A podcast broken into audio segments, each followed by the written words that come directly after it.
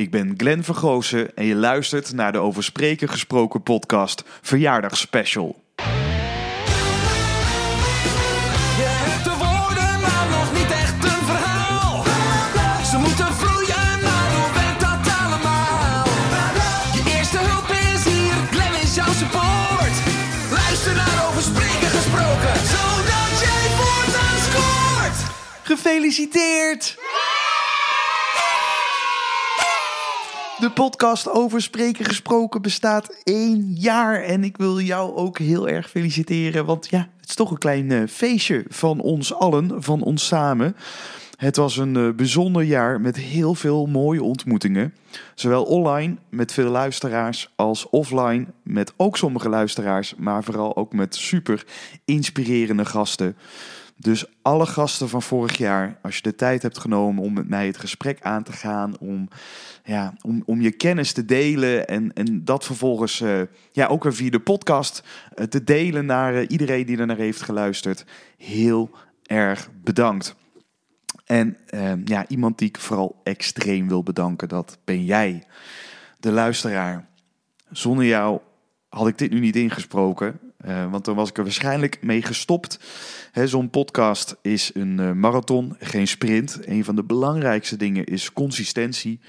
En, uh, nou, en, de manier waarop ik door jou gevoed ben afgelopen jaar, ja, dat, dat was gewoon echt heel erg fijn. En ik heb lang nagedacht over wat voor content ik zou gebruiken voor deze aflevering. Um, en ik ben vorig jaar meerdere malen gevraagd door luisteraars of er eens een keer een aflevering online kon komen die meer over mijn persoonlijke reis gaat, meer over uh, mezelf. En ik vind dat doorgaans best wel spannend, omdat ik nu merk, en als interviewer, daar raak ik nu langzaam een beetje aan gewend. Dat vond ik eigenlijk ook al uh, extreem spannend om, uh, om, om zoveel te delen, maar om die rol om te draaien, om zelf achter uh, de mic te gaan zitten en het vooral over mij te hebben. Uh, ja, daar ben ik doorgaans nog niet zo gewend. En uh, ik heb nu een paar keer um, heb ik mijn opwachting mogen maken bij andere mensen in de podcast, waaronder eentje. die, die ik bij deze wil gaan delen.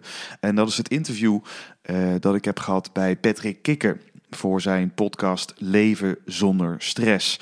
Nou, en Patrick Kikke is natuurlijk een, een fantastische interviewer. Uh, iemand met al jaren aan ervaring. En zijn Leven zonder stress podcast is een van de meest populaire, langslopende podcasts in Nederland. Ja, en dan heb je iemand die dus uh, zich niet schroomt om te vragen wat hij wil vragen. En ik had hem zelf eerder uh, geïnterviewd. Uh, voor, uh, voor deze podcast. Dat was aflevering nummertje 14. En daar zei hij: Nou, het allerbelangrijkste is dat je jezelf durft te laten zien. Dat je kwetsbaar durft te zijn. Dus dat je gewoon deelt wat er ja, is gebeurd in het verleden. Dus ik was ook wel een beetje geframed. En uh, nou. dat kun je ook wel merken, want jongen, jongen, ik, ik, ik ben helemaal open gegaan en, en het is eigenlijk misschien wel een van de meest kwetsbare ja, gesprekken uh, die ik tot nu toe heb gedeeld, wat ook is opgenomen. En voordat we gaan luisteren naar het interview, wil ik je kort meenemen naar uh, de toekomst uh, van, van de Over Spreken Gesproken podcast. Ik heb namelijk ook lang zitten na te denken over hoe we dit tweede jaar in zullen gaan. In het tweede jaar wil ik een aantal thema's gaan verkennen, een aantal thema's gaan verdiepen. En het allereerste thema wat van start gaat bij de volgende aflevering, dus aflevering 31, zal zijn de taal van de liefde. Want we kunnen nog wel succesvol zijn als spreker op het podium, uh, maar hoe gelukkig ben je wanneer dat je het niet voor elkaar krijgt om op een effectieve manier je boodschap te delen bij een van de allerbelangrijkste relaties in je leven en dat is je liefdesrelatie.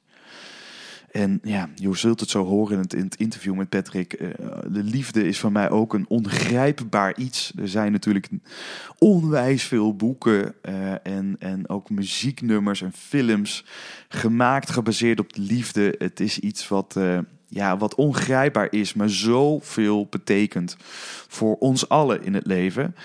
Ehm, en ik zag ook best wel veel parallellen. Hè? De onzekerheden die wij voelen wanneer dat we op een podium staan, die zijn eigenlijk best wel te herkennen aan de onzekerheden die ons ook helemaal van ons stuk kunnen brengen in een liefdesrelatie. Of hè, als je met een ego op het podium staat, dan blokkeert dat het contact. Maar dat is ook zo in de liefde. Als je alleen maar vanuit je ego en vanuit, ja, vanuit buitenkant als het ware in contact staat met elkaar. Dus in de komende afleveringen ga ik eh, de experts interviewen op dit gebied en gaan we kijken wat we kunnen leren. De taal van de liefde, dat, eh, dat zal het thema worden van de komende afleveringen. Maar eerst één jaar de Over Spreken Gesproken podcast. En eh, ik deel dat graag met jou door middel van het interview met Patrick Kikken. Glenn, we spreken met Glenn, eh, Glenn Vergoosen. Eh, hij is eh, meesterspreker. Zo ga ik je introduceren. Nee, jij weet heel veel van spreken. En we hebben net een, een gesprek opgenomen voor jouw podcast. over spreken gesproken. Hè? Ja. Laten we dan eens beginnen met hoe heb jij dan in godsnaam, dat vragen mensen mij ook altijd, je accent zo af kunnen leren? Ja, ja als, opgegroeid in Limburg. Eh, gelukkig wel op mijn veertiende verhuisd. Van Ja. Limburg naar Roosendaal. Dus dat heeft vast wel iets gedaan. Ja. Ik, ik, ik merkte wel... Ik, ik had een enorme afkeer als ik op de televisie eh interviews zag... met mensen die... Ja. Nee, ik praat gewoon normaal, Oh, hoor. joh, ja. Nee, bij hoor je helemaal niet dat ik Limburg kan. Ik vond dat heel vervelend. Ja, En toen kwam ik in Roosendaal. Dat was natuurlijk ook wel... Ja, ik was natuurlijk ook wel toen... Ik werd die laatste jaar op de middelbare school... was geen fijne tijd. gepest? Ja, een beetje. Terwijl dat ik in, in, in Limburg juist super populair was. Althans, een beetje gek om over mezelf te zeggen. Maar ik, deed, ik schreef in de schoolkrant. Ik zat bij de plaatselijke toneelvereniging. Ik deed van alles. Ik voelde me vrij. Ja. En dan kom je ineens op een plek waar je niemand kent. En waarin de gepesten ineens iemand vinden... die zeg maar nog lager op de apenrot staan dan Oh. zij. Kut. En dan word je gewoon, ja, dan, dan, dan, dan. En toen was dus misschien ook wel een copingstrategie om eh, heel snel te blenden. Ja. En tegelijkertijd vond ik het gewoon heel erg leuk om, eh, om mensen na te doen. Met name Hans Steeuwen, gedeelde passie. Dus ik kon al zijn shows uit mijn hoofd. Ja. En door dan, ja, door, door gewoon, door gewoon Ja. te spelen met die stem... ehm, ja, ga je op een gegeven moment ook jezelf eh, aanpassen en vervormen. En je kreeg de lachers op je hand. En ik kreeg lachers op mijn hand. Dus het Ja. werd veiliger voor je. Ja, uiteindelijk ja. Dat is, en ik vond vrienden buitenschool. Dat was, en eigenlijk voor, me, voor mijn punten was het heel goed dat, eh, dat ik naar school kwam voor school. Ja. Want in Limburg was het andersom. Dus ik, kwa- ik kwam naar school voor, om, voor, voor, om, voor te keten, voor lol. Ja. Ja, dus, dus uiteindelijk, eh, ik dacht, ik ga geen dag langer hier zitten dan nodig. Dus ik- mijn, het, mijn examens, die heb ik beter afgerond. eh, mede doordat, eh doordat ik het niet leuk vond op school. ja. Ben wat ben je daarna gaan doen? Ik ben daarna theateropleiding gaan doen. Dus ik, eh, ik, ik was sowieso een eh, vrij eh, ja, slechte leerling. Ik ben opgegroeid wel vanuit de gedachte dat ik niet heel slim was. Omdat mijn concentratievermogen eh, slecht was. Dus ik was snel afgeleid. Ik ben nooit gediagnosticeerd met ADD of ADHD. Maar ik kan me zomaar voorstellen... als ik nu op, op de basisschool had gezeten... dan hadden ze vast wel zo'n plakkaat om mijn kop geplakt. Ehm, dus ik, ik, ik, ik was wel een leerling die voor in de klas ging zitten. Dus ik was wel een leerling die... Vlieg, een leerling die zei, dit bedoel ik dus, hè? Dus ik zie een vlieg, want we hebben hier nu allemaal eten Ja, klaarstaan. komen dan dan gaat af. mijn eh, focus gaat dus nu naar die eh, vlieg. Maar is dat gek? Ja. De, in de klas waar, de, waar, waar je gevraagd werd stil te zitten en te leren uit een Ja, boek. ja. Nou, dat was niet voor mij weggelegd. Nee. Dus leraren zeiden, nou, die Glenn, die, eh, die, dat is niet veel. Laat hem ook maar de MAVO doen. Dan heeft hij wat meer begeleiding en zo. En ik zat eigenlijk ja, vrij, ik werd niet echt uitgedaagd. Nee. Eh, eh, maar wat ik dus wel grappig vond in mijn verhuizing van Limburg naar Roosendaal. Bijvoorbeeld aardrijkskunde in eh, Limburg. Moi, vijfje, zesje. Toen ging ik naar Roosendaal, daar was meneer Schepers. En meneer Schepers verstond de ambacht van het verhalen vertellen. Ah, Pam, achtes. ja. En ik hing aan die man zijn lippen en die maakte al mooie samenvattingen op het krijtbord. En dat kon ik zo overschrijven. En ik wist gewoon, als ik die samenvattingen ken, dan haal ik ook gewoon voldoendes voor proefwerken. Ja. En ondertussen vertelde die verhalen. En dat verankerde, hè, dus die, die, die informatie in het schrift, gekoppeld aan de verhalen, dan, eh, dan, dan zorgde ervoor dat ik het onthield. Heeft dat jouw interesse in spreken in het openbaar enorm gevoed? Of was die er eerder al? Die was er al, al Ja? veel eerder. Maar ja. hoe- waarom fascineerde je dat zo? Dus cabaretier, iemand op het podium, je hebt de theateropleiding gaan doen. ja. Wat, eh, iets in je familie of vader of moeder die dat al deed? Of? Mijn ehm, vader is afgestudeerd aan het conservatorium. Dus die had misschien wel meer gewild dat ik eh, de muziek in eh, zou zijn Ja. gegaan. Ik heb sowieso wel een creatieve familie. In de- in mijn familie, de, vaak worden mensen ook groeien mensen op met sport. Dat is bij mij niet het geval geweest. Dus niemand heeft mij naar het sportveld gestuurd toen ik jong was. Maar er werd wel veel muziek gemaakt. Dus muziek is met de paplepel ingegoten. En het heeft. Nou ja, het, we zeiden net al, we, we, we, gaan kwetsbaar en persoonlijk zijn, toch? Mhm. Ehm, in terugwerkende kracht. het- Vroeger dacht ik gewoon, ik hou van aandacht. Dus ik ben altijd iemand geweest die heel gevoelig was om in het middelpunt van de belangstelling te staan. Ja. En dat mm, verder reikte die bewustwording niet. Dus vanaf het moment dat ik erachter kwam dat er iets bestond als theater of toneel, wilde ik dat doen. Ja. En eigenlijk naarmate je ouder wordt, ga je erachter komen dat ja, die, die enorme interesse voor aandacht, dat natuurlijk ook gestoeld is op eh, gewoon op de dingen die in het verleden eh, zijn gebeurd. ja. Eh, Je zult er wel eens van gehoord hebben, het Napoleon-complex. Het Napoleon-complex. Ja, ik heb ervan gehoord, Ja. maar ver- vertel Nou ja, ik zit zo te denken, je, je bent niet zo lang van stuk. Hè? Je bent 1 meter 68, Ja, zoiets. nou ja, dat is, kan voor een man kunnen ze zeggen van, nou, dat is niet zo lang. Is dat dan een soort compensatie geweest dat je dacht van, nou, dan moet ik, dan moet ik toch op een podium in ieder geval zorgen dat ik daar eh, boven mezelf uitstijg?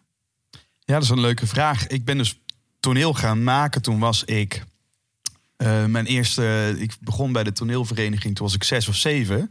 En, en pas toen jongens op in hun puberteit een groeischeut kregen. En dat bleef bij mij uit. En mijn moeder die altijd vertelde: joh jong, dat komt nog wel. Kun je wel goed? ja, Eh, ja, dus, dus, dus dat heeft er niet helemaal mee te, te maken. toen was daarvoor Toen al. was het Ja. al. Echter, ik kan me wel voorstellen dat, eh, dat ik wel meer gebekt ben. Doordat ik altijd wel, toen mate mensen ouder werden... ja, mensen kijken gewoon wat sneller eh, op, op mij neer. Ja, Ja, dus dan ga je wel zorgen dat je het babbeltje mee hebt. Dat je in ieder geval wel wordt gehoord. Want, Ja. want met fysiek maak ik niet bijzonder veel. eh. nou ja, nee, dat Indruk. zit hem natuurlijk ook in hoe iemand Of kijkt zo. of hoe iemand lacht. Of, Ja. ja. Eh, eh, Ik vind dat wel even interessant. Omdat ik, ik, is, is, dat iets wat een issue is of is geweest in je leven? Of heb je daar... Bedoel, bijvoorbeeld, je hoort wel eens vrouwen willen niet een, een, een vent die kleiner is dan hun. Ja, Heb je daar wel eens dingen, dingen mee meegemaakt? ja dus dit is natuurlijk gewoon wel... Hier ben ik wel heel lang heel onzeker eh, Ja. over geweest. En, en het kan nog steeds wel mij onzekerheid Ja? triggeren. Nu ook op dit moment? Of? Nee, nu, nu niet meer. En dat, eh, maar dat, is, dat heeft dan echt met, met ouder worden te maken. Dat je op een gegeven moment daar overheen stapt. En natuurlijk heel erg veel bezig bent met zelfontplooiing. En, Mhm. en wat, wat hè, dus hoe beter je geworteld bent. eh, hoe minder vatbaar je bent voor dat soort externe zaken. Ja. Maar ja, laten we eerlijk zijn. Toen ik eh, als tiener de kroeg in kwam en eh, die meiden ook nog eens hakken aantrokken. Nou, dan is zeg maar de scanlijn tussen zo poep, poep, poep, weet je wel, vrouwen scannen de Ja, discotheek. Ja, die scannen dan, die zien dan jou. En dan denken ze, ja, zou kunnen. Nee, nee, blond schaamhaar. Ja, nee. Ontschaam maar. Ja, dus, dus weet je wel, zeg maar, Ja, die scanlijn, die zat al iets boven. En ik heb ook mijn afstudeervoorstelling, eh, heet Samen zijn, op de theateropleiding. En dat ging ook over eh, eh, de liefde.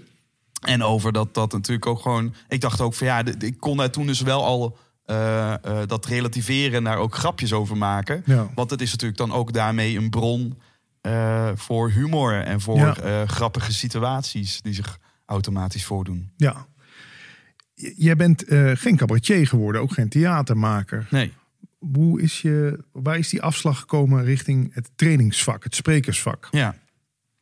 Goeie vraag. Ik, kom, ik, mijn ambitie is dat altijd geweest. Dus toen ik op de theateropleiding terecht kwam, dacht ik, ik wil graag acteren. Voornamelijk, ik wil cabaretier worden. Ik speel ook piano. Eh, dus klein kunstenaar. Ja. Dus het hoeft niet alleen om een, om een lachen te gaan, maar wel als eh, solo kunstenaar op het podium verhalen vertellen, muziek maken, et cetera. En ik merkte gewoon tijdens de opleiding dat ja, alleen puur op een podium staan en puur mensen vermaken, dat dat eigenlijk, ja, er ontbrak iets. Eh, en ik heb vrijwilligerswerk gedaan in, eh, in Bosnië. Er was een samenwerkingsverband tussen gemeente Tilburg en de opleiding. Toen zijn we met verschillende bands en verschillende organisaties zijn we naar Bosnië gegaan. Eigenlijk om jongeren ondernemersvaardigheden te geven. Want het werkloosheidspercentage onder jongeren is gigantisch daar na de burgeroorlog. Ehm, en toen zijn we gaan toeren. En toen kwamen we ook langs, eh, langs slachtofferkampen.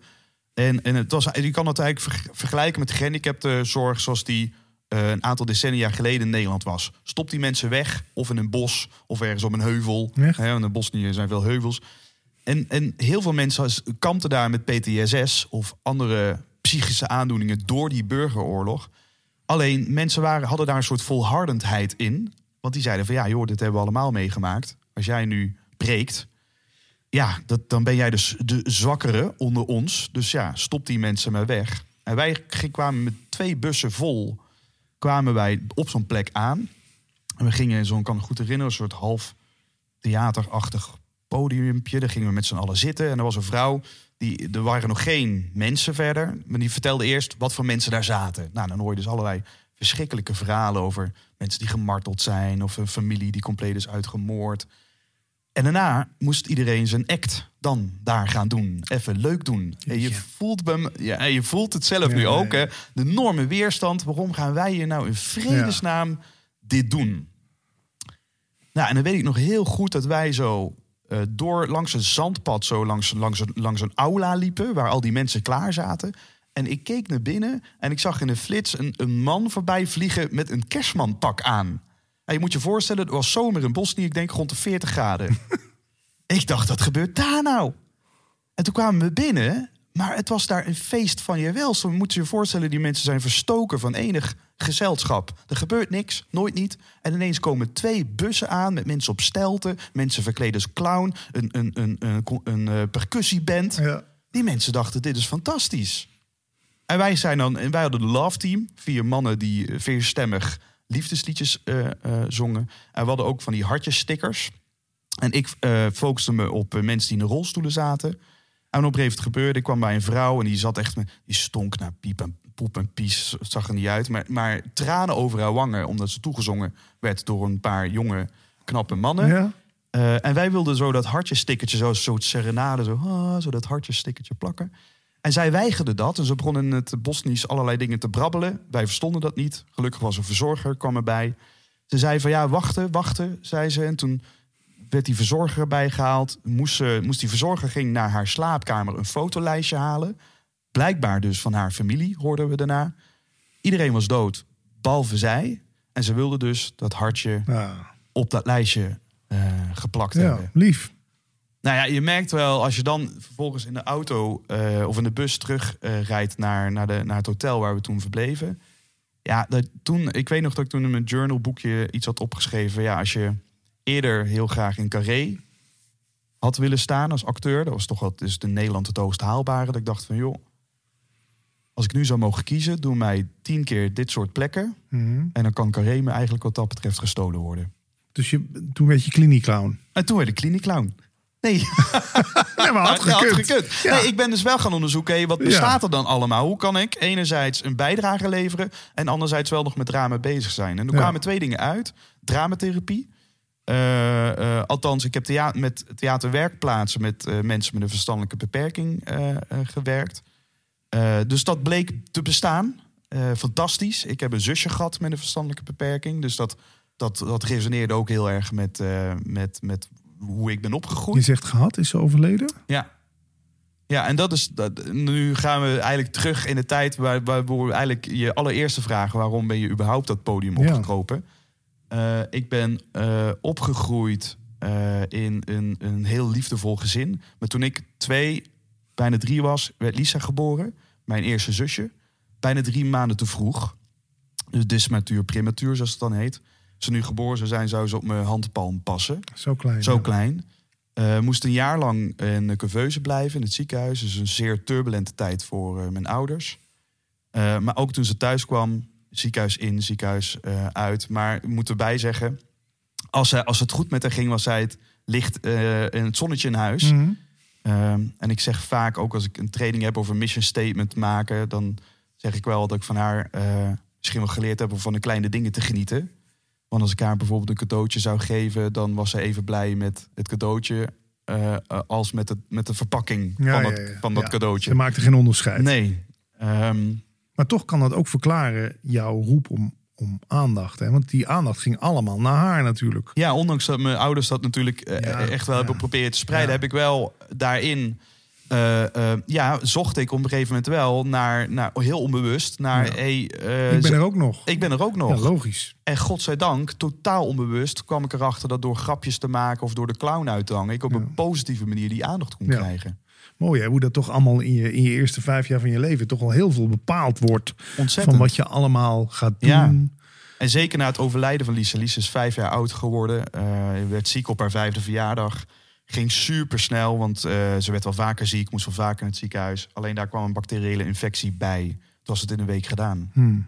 En die klap natuurlijk ook, eh, vooral voor mijn moeder, was zo intens dat, eh, ja, ook in de jaren daarna merk ik gewoon heel duidelijk dat de behoefte om een bijdrage te leveren, en dat, dat gebeurde dan gewoon door de, door de lach of in Hmm. die tijd dat ik uh, goocheltrucjes deed. In ieder geval gewoon de afleiding. Naar je moeder toe. Ja, naar mijn moeder Ja. toe. eh, maar ook de gesprekken die ik daarna al op vrij jonge leeftijd thuis heb gevoerd. Ook naar de scheiding van mijn ouders. Ehm, ja, het heeft me gewoon enorm gevormd natuurlijk. Ja. Eh, Waardoor eh, toen ik erachter kwam dat ik enerzijds dus de behoefte aan aandacht, anderzijds de behoefte om ook wel een bijdrage te leveren, Mhm. dat dat te combineren was. Dan word je entertainer.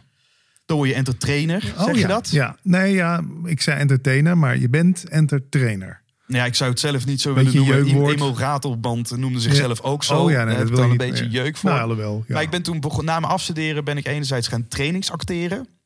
Dat bleek te bestaan. Ik wist helemaal niet dat het bestond. Een soort levend oefenmateriaal en trainingen. Dus Ja. allerlei communicatietrainingen, supermarkten, politieacademie. Ja. Dan ben je als acteur, ga je oefenen met de cursisten. Ja, en dus eh, werken voor theaterwerkplaatsen waar ik theater heb gemaakt met mensen met een beperking. Waarvan ik overigens sowieso vind dat daar een ongekend talent zit als het om acteren gaat. Ja? Waarom? Ja, omdat eh, de, voor een acteur, die heeft altijd te kampen eh, met de wet van herhaling. Namelijk, een acteur heeft al honderd keer een bepaalde grap gehoord. Ja. Is voor die acteur helemaal niet grappig. En toch moet je iedere keer op het podium het vermogen op kunnen brengen om, om spontaan te reageren. Om Ja. te doen alsof het op dat moment gebeurt. Ja. en mensen met een beperking die dat ratio minder hebben ontwikkeld, die hebben dat van nature. Die kunnen gewoon tien keer om dezelfde grap lachen. Ja, die, die, maar die zijn altijd in het hier en nu. Ja, ja, dus ja. die kunnen niet met twee petten denken. Dus dat is als je hen de professionele voedingsbodem geeft van professionele regisseurs die niet werken vanuit een opgelegd script, maar werken vanuit de ontmoeting tussen die acteurs. Dan heb ik het niet over een Jostie Band principe. Jostie Band, prachtig dat het is, maar de missie van Jostie Band is iedereen doet mee. Ja. Hè? Dus ook als je Ook niks kan. Dan, eh, nou, dan, dan, dan mag je ook nog steeds meedoen. Fantastisch stukje van Hans Steven. Ja, ja, ja, over heinsten op een... eh, nou, Hengst. Kutmuziek. Ongeïnspireerde bagger. Exact. Maar die theaterwerkplaatsen, die, die werven ook wel echt mensen met een beperking... die ook echt ambitie hebben, echt een am- ambitie voelen om dat podium op te klimmen. Hmm. En vanuit daar dus vind ik ook een ontwikkelbaar talent hebben. Ja. Ja. Je, je werkt nu ehm, bij het bedrijf wat, ja, mag ik zeggen, geïnitieerd is door Steven Covey. Ja, het, ja klopt. ja. Ja. Wanneer hoorde jij die, die naam voor het eerst vallen in je leven? Ehm, toen ik, eh, ik denk toen was ik anderhalf jaar werkzaam als trainingsacteur. En ik zag een keer een trainer. En die vond ik super inspirerend. En na afloop heb ik hem gevraagd van... joh, wie moet ik kennen, wat moet ik lezen? Eh, want dit wat jij allemaal zegt is goede stuf. Ja, en hij zei toen... ga dan het boek De Zeven Eigenschappen van Effectief Leiderschap lezen. Enerzijds. En anderzijds, hij zei, ga Tony Robbins checken. Eh, ja, en die twee, hè, dus de, enerzijds Stephen Covey met het boek en anderzijds Tony Robbins. Dat is voor mij wel de gateway geweest naar een gigantische wereld waarvan ik het bestaan toen ook nog niet afwist. Namelijk Nee. persoonlijke ontwikkeling. En wow, er is een vak dat heet leven. Levenskunst. Ja, leven, de levenskunst. Ja. Wauw, waarom heb ik dit niet? Ja. Waarom kreeg ik in plaats van Ik- levenskunst ik aardrijkskunde? Ik weet het. Nou, Gek hè? en toen, ja, dat was voor mij, ja, daar, daar- daardoor ging eigenlijk dat, dat vuur nog, nog meer branden om hierin dingen te doen. Heb je Tony Robbins live gezien? Ja, ja ik ben Londen? Naar Londen gegaan, naar UPW. En daar vier dagen, eh, Niet goedkoop. nee, duizend euro denk ik voor een eh, ticket. En dan moet je nog naartoe, in Ja? een hotel en zo. Ja. En hoe oud was je toen, hem, eh, toen je hem zag? Volgens mij was dat 2016 uit mijn hoofd, dus drie jaar geleden. En toen was je? De, de, de 26. Ja. Ja. Ik zit hier met een millennial, hè? Ja. Ja, dit Ja. is ook voor de, de millennial reek- reeks in de Leven zonder stress podcast. Ehm, ik vind het zo leuk om te zien hoe, hoe, hoeveel diversiteit er in millennial land is eigenlijk. Maar wel dat ze inderdaad bijna allemaal, misschien zo- vis ik in dezelfde vijver, maar allemaal met persoonlijke ontwikkeling bezig zijn.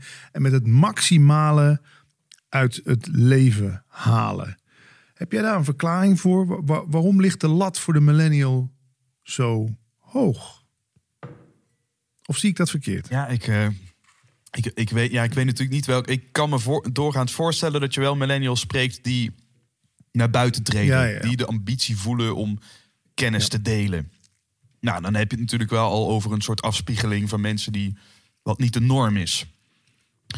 Ehm, ik merk ook dat ik praat dan soms ook met een professor die zegt van joh, het is allemaal projectie. Dus je hoeft maar tegen een millennial tien keer te zeggen eh, je bent een millenni- millennial dus. En die gaat zich vanzelf naar conformeren. Ja. Net zoals dat als je tien keer tegen Marokkaan zegt dat het een kut Marokkaan Mhm. is, is het niet anders dan logisch dat hij op een gegeven moment zich gaat conformeren naar de projectie die hij altijd op zich krijgt. Dus ik vind het lastig om daar in hokjes denken. is natuurlijk goed om, eh, om een Ja. afspiegeling te maken. Maar Maar hoe ik- voel jij? Voel jij je überhaupt een millennial? ja, ja, ja, wat is dan een millennial? Hè? Nou, ja. iemand die, ik- voor mij is dat iemand die het maximale uit het leven wil halen en de beste versie van zichzelf wil laten Kijk, zien. wat ik wel interessant vind, wij werken ook samen met Young Capital. Young Capital is een recruitmentbureau gericht op jongeren. En zij doen ook best wel veel onderzoek nu naar de nieuwe generatie, de generatie na millennials. En het is natuurlijk wel interessant om te kijken in welke tijdsgeest ben je opgegroeid. En wij zijn opgegroeid in de jaren negentig en dat was toch wel een hele welvarende tijd. Ja. Dus wij hoefden ons verder geen zorgen te maken over geld. Want Ja. dat was eigenlijk wel een, een zekerheidje. Ja. Iedereen had een huis. eh, auto. De meeste mensen hadden gewoon een goed prima baan. Dus eh, wij, eh, ze zeggen over millennials, die vinden zingeving belangrijker dan veel geld verdienen binnen Mhm. het werk. Dus, dus, dus, die conformeren, die, dus die werken ook op een plek waar ze ja, waar, wat, wat rijmt met hun waardes. En je ziet nu, ook in, met, eh, in de neder-hip-hop, gaat het echt heel erg over bling-bling en over geld. En, Mhm. en dan, dan storen mensen zich eraan van ja, die jongeren zijn alleen maar bezig met snelle sportauto's en iedereen wil vloggen omdat je daar veel geld mee kan verdienen. Maar dan denk ik, ja, als je de tijdsgeest daarnaast legt, die jongeren Ja. zijn opgegroeid ten tijde van de crisis. Ja. Dus die hebben papa thuis zien komen met tranen in de ogen. Dat hij zijn baan kwijt was. Ja, die zegt: Ik weet even niet wat wij nog moeten doen. Ja. Nou, als jij als kind opgegroeid en je ziet zo'n situatie, kan ik me heel goed voorstellen dat geld een hele andere waarde wordt als je ouder wordt dan dat dat voor mij is geweest. Is geld voor jou belangrijk? Nee, Nee? nee. Ben jij niet op zoek naar de next big job waar je dubbele gaat verdienen? Of- Nee. Nee? Nee, ik vind geld, hè, laten we wel eerlijk zijn, ik vind geld ook eh, geen vies woord. Ik bedoel, het is de motor eh, die je nodig hebt eh, om, eh, om de dingen te kunnen doen. Dus eh, ze zeggen, maar word, word je van geld gelukkig, zeg ik nee. Word je van geld ongelukkig als je het niet hebt, zeker weten. Ja. Dus, en ik heb het geluk gehad, ik ben begonnen als ZZP'er. En eh, ehm, ik kom wel een beetje uit een ondernemersfamilie. Dus dat, dat ik, hè, dus dat gewoon dat ik, ik heb, ben nooit, ik heb nooit rock bottom gezeten. En ik ben gewoon wel heel blij dat ik op jonge leeftijd soort verstandig om ben gegaan. Dat, dat gat in mijn hand heb ik wel gehad. Vroeger met eh, flippo's en Pokémon kaartjes en zo. Eh, totdat ik erachter kwam dat als ik spaarde, kon ik een stereo-installatie kopen. En dat was, oh, dat was veel vetter. Dus dan, ja, dan kom gelukkig al op jonge leeftijd een soort reframe. Als ik spaar, heb ik ook wat. En eh, mijn moeder heeft me wat dat betreft toch ook wel vrij ja, zuinig opgevoed. Eh, dus ja, ik weet niet. Ik, heb, ik vind geld dus belangrijk. Maar als ik gewoon mijn boontjes kan doppen... en ik heb het vermogen om te sparen... en de laatste tijd ook veel gelezen over minimalisme... vind ik ook heel interessant. Ja, dan, dan, dan verandert de waarde van geld. En dan denk ik, ik kan een onbezonnen leven leiden. Ja, en zolang dat, dat, dat aan de hand is, dan eh, is het goed. Ja. Dan hoef ik verder niet heel rijk of rijker te worden. Ik ben al rijk mens dan, zou je kunnen zeggen. Hoe is contact met je vader? Waarom vraag je dat? Nou, omdat ik, ik hoor je steeds over je moeder, maar ik hoor je niet echt over je vader. Ah, interessant. Is dat, is, speelt hij nog een rol in je leven? Ja, ja, ja, ja, ja. zeker. Mijn vader leeft nog en we hebben eh, goed contact. Eh, echter, als je kijkt naar ja, welke. eh, mijn moeder heeft wel een, een dominantere impact gehad. Want je bent bij haar gaan wonen. Ik ben bij haar Ja. gaan wonen. Ik ben ook met haar toen verhuisd van Limburg Ja. naar Roosendaal. Eh, mijn verstandhouding met mijn pa is een lastige geweest. Of altijd een, een- ik merk nu, de afgelopen paar jaar gaat het pas goed. Omdat mijn, pa is op een positieve manier is een hele hardwerkende man. Die zijn werk ook, die super veel passie heeft voor zijn werk. Dat herken ik ook. Ik herken heel veel van mezelf in mijn vader. Het is ook een beetje een, eh, af en toe een beetje Peter Pan. En zijn, ehm, lastig om te zeggen zo op kamer, gaat wel doen. Hij, zijn verantwoordelijkheid voor het vaderschap is... Hey, je bent bij mij altijd welkom. Punt. Maar Is dat niet genoeg? ja, ik, ik heb wel zoiets van, joh, eh, af en toe een telefoontje van, hey, hoe gaat het met je? Hmm. Eh, Het, feit dat iets inrichtingsverkeer is, dus ik kan wel daar naartoe en dan, Oh zo, Ja. ja. ja, en dan ga je Ja. hertrouwen en dat is natuurlijk ook niet meer helemaal onvoorwaardelijk, want er zit ook iemand anders die, ja. die daar iets van vindt. Eh, dus een vader die, die niet per definitie contact opzoekt ehm, eh, en waarvan ik heel erg voel dat ik kartrekker ben, nou, dat vond ik wel, vind dat, dat vond ik echt een enorme lastige. ja. Nog steeds.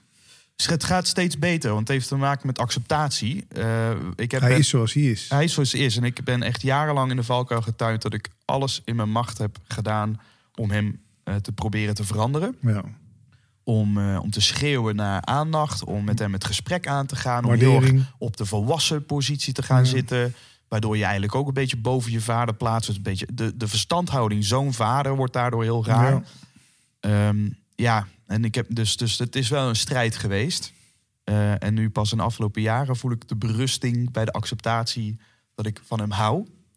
Eh, want hij blijft mijn vader. En dat de momenten die wij samen hebben, die zijn doorgaans altijd heel fijn. Hm. En die koester ik dus. Ja.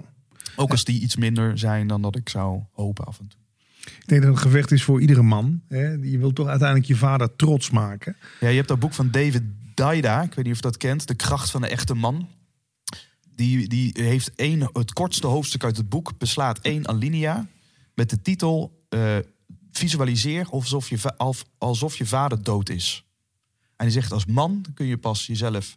Je kan pas een echte man zijn als je je losbreekt van de verwachtingen van je vader. Ja. En die kun je het beste trainen door te visualiseren alsof die er niet meer is. Niet dat heb je, heb je gedaan. En dat hielp. of, nou ja. Ja, nou ja, Ja? Ik, nee, ik, ik, eh, ik, ik heb dat misschien niet door dat boek, want die acceptatie die kwam al voor het lezen van het boek, maar ik heb het wel eens geprobeerd. Hm. Maar vanuit, voor mij kwam daar meer de liefde naar boven. Dat ik dacht, hé, hey, potdomme, ik hou gewoon van die man. En die man, hè, ik ben die man voor een deel. Eh, en ik wil gewoon de momenten koesteren. Dus het zorgt eigenlijk meer voor ontspanning om gewoon om te focussen op het positieve. Op wat ik wel heb. Ja. In plaats van eh, gefrustreerd te raken van de dingen die ik eh, niet heb. ja. Je zei je andere zus. Je hebt ook nog een andere zus. Ja, nog twee andere zusjes. Na, het, na Lisa hebben mijn ouders nog twee andere zusjes gekregen. Hè, zo- zoals dat heet. Rachel en Debbie. Schelen acht en tien jaar met mij. Een stukje jonger. Maar nu inmiddels ja, ze ontpoppen zich daar... eh, dat worden prachtige vrouwen, joh. Ja. Influencers. Influencers. Ja, dat is wat die generatie een beetje... Ja, nou ja, ze zijn er wel allebei Ja. eh, toch eh, ook wel een beetje met media, met creativiteit. Ja. En allebei heel duidelijk nu echt een, aan het bouwen en een identiteit. Ja, Ja. ik ben dat. eh, ik ben er wel trots op, op die dames. Vind je het niet gevaarlijk dat, dat, dat alles zo op uiterlijk gericht is bij eh, met name die generatie, maar toch ook bij millennials? Dat dat, ik bedoel, die selfie, ik blijf het iets, ja, dan zeggen mensen, ja, klinkt als een oude lul. Maar als je mij 15 jaar geleden vertelt dat, dat er een tijd komt dat mensen een fotocamera op zichzelf gaan richten en de hele dag foto's van zichzelf maken, dan zeg ik, nou, dan is de wereld echt gek geworden. dat kan niet, dat dat bestaat. En het bestaat en het Ja. is nu. Ja. Hoe, hoe zie jij dat? dat, dat maar, bedoel, laat ik beginnen met de eerste vraag. Maak jij selfies? Ik maak wel eens selfies, ja. Ja. Tuurlijk. Eh, nou ja, voor mijn generatie is dat dus Ja. niet zo natuurlijk. Nee. Eh, we- wat brengt dat jou? Dat je dus jezelf op een foto zet. Ik ben er gewoon oprecht geïnteresseerd in. Hè? Ja. En je, zet, je zet natuurlijk een mooie foto van jezelf op internet. Is het dan de likes? Is het, krijg je er meer zelfvertrouwen door? Wat, wat doet een selfie? Ja, ja het zijn, het zijn meer, meerdere vragen. Hè? Dus, dus waarom zou iemand überhaupt een selfie maken? En, en dan de koppeling ook aan social media, wat dat dan doet. En ik als, als trainer eh, kamp hier natuurlijk... Met trainingen kom ik doorgaans ook nu veel millennials... hoger opgeleide Ja. millennials tegen... die bij grote bedrijven werken en dan naar me toe komen en zeggen... Glenn, ik yoga mezelf suf en toch krijg ik een burn-out. Hoe komt dat? En, en eh, ja, als je, als je dus je eigen waarde koppelt aan de likes die je krijgt op, eh, op een social media platform, Of als je zoveel ballen in de lucht te houden hebt. Je bent net moeder geworden, maar je hebt ook nog je hockeyclub. En je hebt ook nog je man. En dan heb je ook nog een drukke baan. En je wil, hè, potdomme, je hebt niet acht jaar gestudeerd om parttime te gaan werken. Ja. En je hebt, je hebt dus zo, die lat ligt voor, dat ben ik dan wel met je eens. Die lat ligt zo hoog dat we in de valkuiltuinen van efficiëntie in plaats van effectiviteit. En efficiëntie is meer doen in minder tijd. Mhm. En effectiviteit is de juiste dingen doen. En waarschijnlijk ook ten koste van sommige andere dingen. Ja. Nu realiseer ik mij dat het principe social media zeer verslavend is. Social media levert gewoon dezelfde stofjes op als drinken, gokken, Ja, seks. eh, seks. Ja, ja. Het is exact hetzelfde. Nu is seks niet erg. Te veel seks of een obsessie op seks is erg. Een pilsje drinken is niet erg. Maar als ik afhankelijk word van drank, is dat wel erg. En dat beschrijft bijvoorbeeld eh, Simon Sinek ook heel mooi in de Millennial Question, waar die een keer voor geïnterviewd werd. Het probleem is dat een jongere generatie nu opgroeit met iets, eh, drank, daar zit een age restriction op. Ja, ja. Eh, maar social media, dat, daar, dat, ja. daar, daar hebben we gewoon vol, vol toegang op. Ja. En omdat je brein nog niet helemaal ontwikkeld is.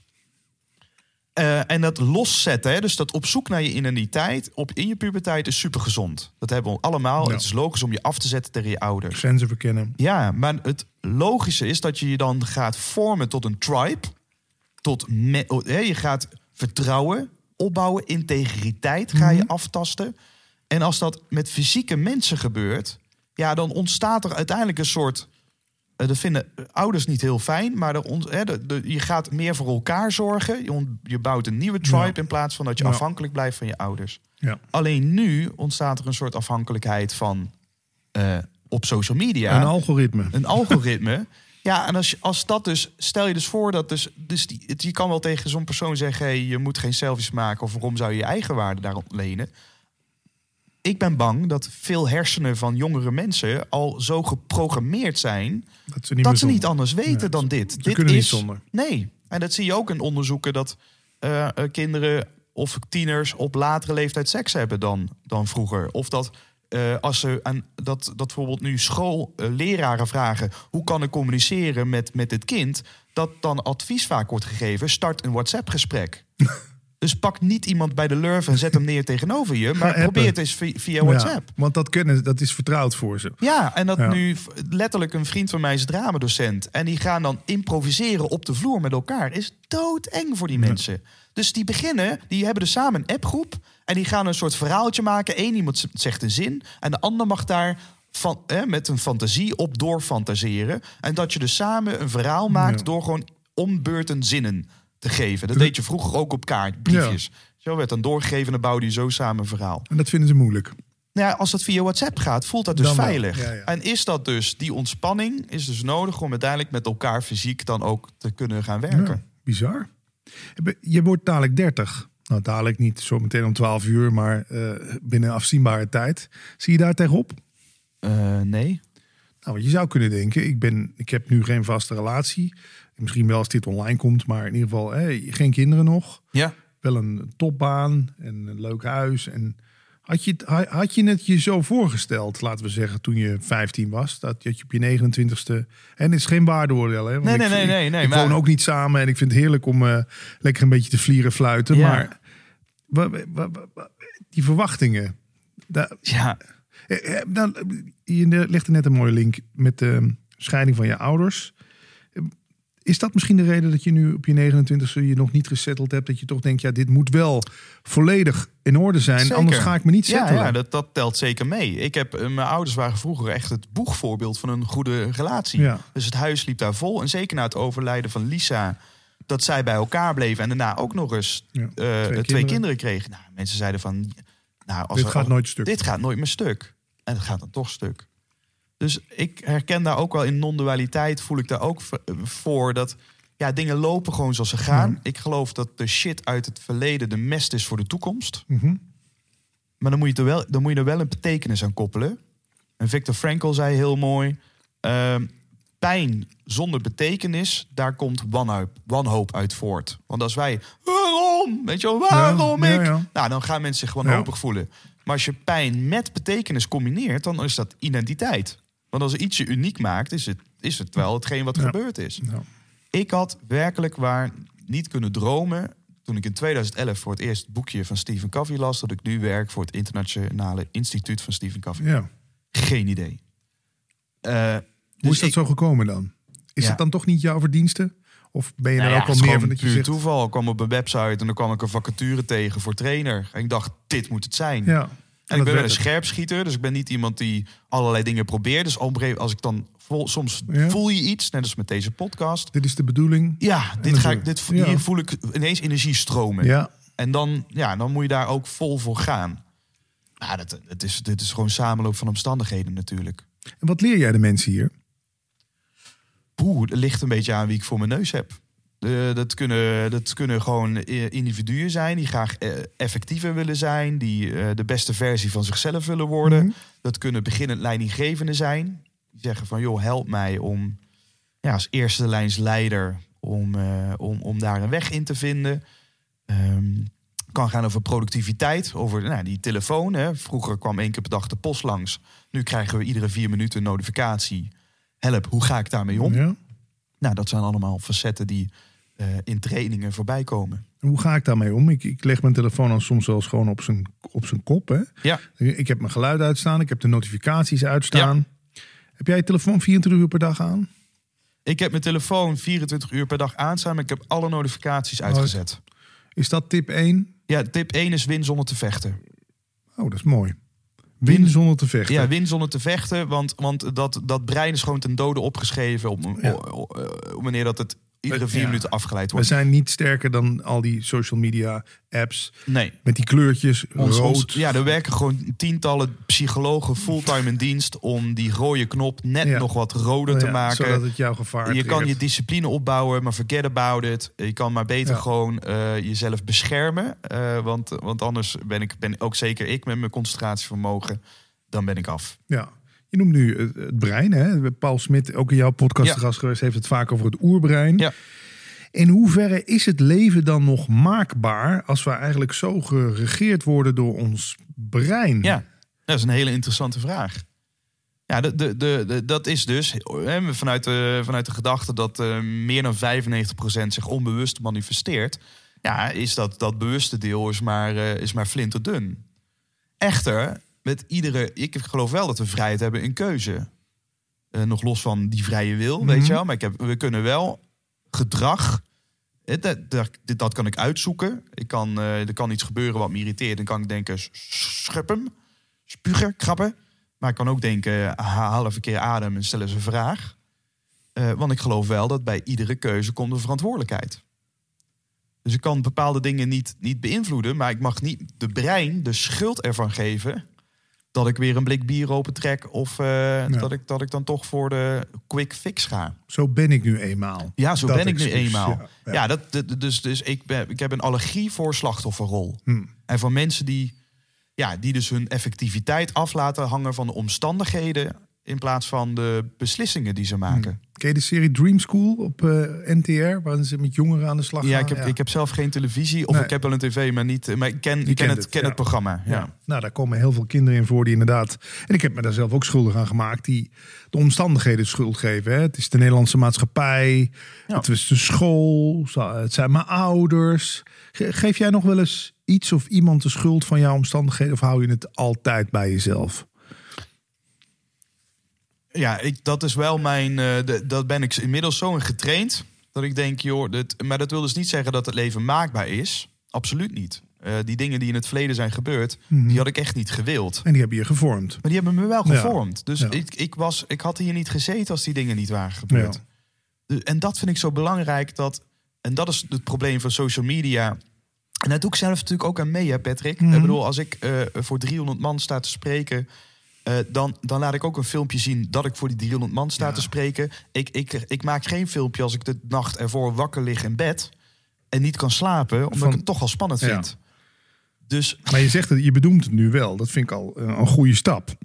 Dus ook ik stap af en toe in de valkuil dat je een soort perfect beeld van jezelf Ja. projecteert. En, en, en eigenlijk deze, de podcast over spreken gesproken was voor mij ook over een drempel heen stappen. Want ik ben nu afgestapt van het perfect doen. Terwijl Ja. dat, dat natuurlijk alles in mij wil. Natuurlijk alles wat ik doe en geef moet Ja. foutloos zijn. Het moet goed zijn. Terwijl die, die podcast ben ik gewoon maar begonnen. Ja. Joh, en ik zie wel en ik leer wel aldoende, maar ik ga dit nu wel gewoon doen. Wie heb je zoal gesproken? Eh, nou, het wat mooi is dat ik eh, Hans Kazan eh, is, is wel een van Jouw mij een overwinningen, omdat dat als kind voor mij was mijn idool vroeger.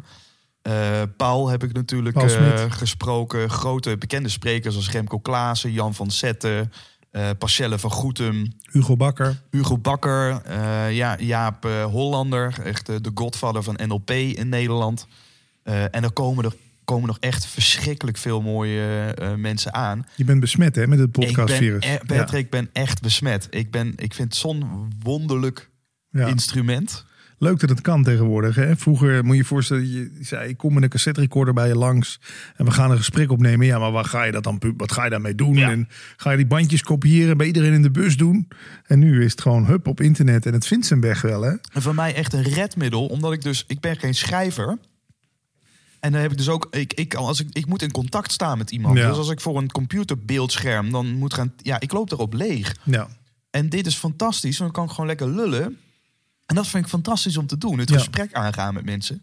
En het enige wat je daarna hoeft te doen is eh, nou, dat eventueel nog een zodanig een beetje te tweaken. Dat het er echt eh, goed uit, eh, uitziet. En dat het, dat het qua audio gewoon goede kwaliteit Ja. heeft. Ja, en dan gewoon lekker online knallen. Pleuren. Je, je bent naar India geweest. Hoe oud was je toen? Dat was afgelopen februari. Waarom ging je naar India? Wat zocht je? ik, eh, ik kreeg gewoon een uitnodiging van een klant van ons. Die vroeg of ik een training kon geven in. Bangalore. Dus het is iets minder spiritueel. Ja, want dat is het. Je hebt vaak mensen die naar Ja, India die gaan, gaan die op- hebben een midlife crisis. Ja, die gaan dan op reis naar zichzelf, maar Ja. door maar heel ver Ja, weg te gaan. Ik, vind het, ik, vind het, ik vond het fascinerend wat voor mensen ik daar tegenkwam... die al maandenlang op reis waren en nog steeds geen rust hadden gevonden. Ik denk ja, misschien moet je stoppen met zoeken, weet je wel. Eh, maar tegelijkertijd, ja, ik, ik vond het wel een bijzonder land. Omdat, omdat alles... eh, eh, Stinkt. alles stinkt. En je, je, je hebt het daar alleen naar je zin... als je de, een kinderlijke verwondering kunt opbrengen. Ge- als geen verwachtingen, geen... Nee, Want alles loopt anders dan Alles je... loopt anders dan dat je Ja. had gedacht. Alles, dus alles wat wij normaal vinden is daar niet Er normaal. zit gewoon iemand te poepen langs de kant van de weg. ja, hè? ik vond dat bizar. Ik heb dat dus één keer gezien. Ik ben zo tuk-tuk langs. Ja. Ik gaat hij nou echt? Maar wat doet dat met je? Ja, ik, ik vond dat ik ben gelukkig goed geïnstrueerd door vrienden die er al een keer waren Ja. geweest. En die zeiden dus, Glenn, de kaart is niet het gebied. Glenn, de kaart is niet het gebied. Hè? Dus de, de mentale kaart die we van de omgeving creëren. Ja. Probeer, probeer alles wat daar normaal is, probeer daar een kinderlijke nieuwsgierigheid op te brengen. Dus ik ging daar zitten en je ziet dan ineens zo'n gast kakken. en hier in Nederland hebben we over groen en over op zes verschillende manieren afval scheiden. Ja. En daar, ja, ze zeggen, denk maar niet dat hier een kar voorbij kan komen. Dus zij pleuren daar alles op een hoop. en ze steken dat gewoon in de fik. Oh, in de fik, ja. Ja joh, dus in de namiddag werden gewoon overal brandjes. gewoon, er zit gewoon een gat in de ozonlaag. Gewoon daar. daar. En, dan, en dan denk ik, oh, Ja, oh. Zo doen we dat hier. Oh, ik, vond het, ik kwam op het vliegveld. En ze hebben daar natuurlijk enorme overpopulatie. Ja. Dus ze moeten banen verzinnen. Had, heb je, had je een fulltime eenheid. Die, die, die hield twee wc's schoon. Dus er stonden vier mannetjes naast elkaar. Ja? Gekoppeld aan acht wc's. Ja, dan denk je toch echt... Dat kan één iemand ook. Dan kan één iemand Ja. ook, maar er staan dan vier mensen stem. Ja. En ik naar de wc en ik ruim dat dan netjes prop op. Ik loop naar buiten, die man sprint de wc in. Die komt weer naar buiten en die kijkt mij met een vieze blik aan. Zo van, hey, hallo, dat is mijn werk. Echt? Hoezo heb je dat... Je had- Ik- je had ja, gewoon ik, niet ik had alles netjes... Ja, ik weet niet, maar ik, ik, ik liet het netjes Ja, ja, ja, achter. ja. En die keek me zo verontwaardigd aan. Godverdomme, mijn werk. Ja, ja, ja. Dat is Prachtig. bizar, toch? Ben jij daar anders van teruggekomen van India? Wat, wat, wat, eh, of is dat ook weer niet life-changing geweest? Nou ja, ik kan me zo voorstellen dat het wel bevrijdend is. Ik bedoel, je kan als je je hele leven lang in hetzelfde dorp woont... dezelfde mensen ontmoet in de kroeg ieder weekend... je blikt dan Ja, wel ik kan me dus van nou... beetje hetzelfde beetje als dat mensen vier dagen naar Tony Robbins gaan en dan eh, dat het leven eh, dramatisch verandert. Als je daar natuurlijk al jaren mee bezig bent en, en er is zoveel online beschikbaar. Ja, En je gaat dan daar naartoe, ja, dan hoor je inhoudstechnisch niet veel nieuws. Maar de ervaring dat je daar met 10.000 man tegelijkertijd bent. En dat iedereen zoveel liefde heeft. Ik denk, ja, ik ken dat alleen van housefeesten, maar dan zat er een pilletje in. Ja. En nu drink alleen water en we staan na 12 uur nog steeds te stuiteren, weet je wel. Dat is bijzonder dat er zoiets energetisch, hè, hoe sterk, eh, hoe krachtig we zijn om, om onze staat eh, te beïnvloeden. ja. Ja, en ik heb wel door, door India... Ik zou er niet heel snel, als ik zou mogen kiezen... dan zou ik wel eerder denk ik naar andere landen gaan dan India. Liever naar Bali. Liever naar Bali inderdaad. Ja. Maar het is gewoon bijzonder om bevestigd te worden... dat er bestaat niet iets als normaal. Als iemand zegt, doe eens normaal. Ja, de, wat, doe, doe eens, nee, doe eens alsjeblieft onnormaal. Laten we alsjeblieft eens wat meer buitengewoon zijn. En met buitengewoon bedoel ik niet dat dat uiterste prestaties Ja, moeten zijn. extraordinary. Dat het, eh, ja, extraordinary. Maar extraordinary is gewoon één stapje. Het is gewoon ordinary. Alleen één stapje extra. Niet meer. We hoeven niet alleen met tienetjes aan te tikken. Want dan gaan. Ja. we weer in, in die millennial eh probleem. Ja, Weet je, dat het allemaal perfect moet zijn. Als, weet je, als een gast boven op een berg staat, weet je één ding heel zeker, die is er niet opgevallen. Dat is waar. Maar mag anders dan ook zijn ehm, raar? Ik bedoel, eh, wat vind jij van mensen die op straat lopen met een hanenkam en piercings door hun ogen of Ja. tatoeages in hun gezicht? Is, het- is het, is het, het is allebei de kant op, toch? Ja. Het is niet alleen excelleren, het is ook anders durven zijn. Ja, en, het is, ja, en het, ik vind het prachtig. En die, die, alleen het is, wat ik hoop is gewoon dat die zich ook daadwerkelijk zichzelf voelen. Dat gun ik hen vooral. Dat, Ja. ze niet, dat ze daadwerkelijk zichzelf voelen door je zich zo te kleden. En ik, ik, ben, ik heb een beetje zo'n skateperiode gehad. En eh, in het begin van de Zero's was dat nu metal. Weet je wel, Slipknot en Linkin Park Ja. en, en Korn. Dat vond ik allemaal fantastisch. Ik had ook lang haar en zo'n zo'n zo'n eh dikkiesbroeken, weet je wel. Eh, en er waren ook al gewoon heel veel mensen die ook al vanuit een soort frustratie dat deden. Dus ze wilden zich gewoon afzetten. Hmm. Ik weet niet waar ik bij hoor, maar in ieder geval niet bij dit, Ja. bij de norm, bij de Ja. maatschappij. Eh, ja, en dan hoop ik wel dat je uiteindelijk een soort berusting of in ieder geval eh, zelf eh, erkenning, liefde vindt. Waardoor als je dan nog steeds vindt, ik ben oké met een hanenkam doen, maar la- laat het ook weg als het niet meer hoeft. Ja. Wat maakt jou nu anders dan anderen?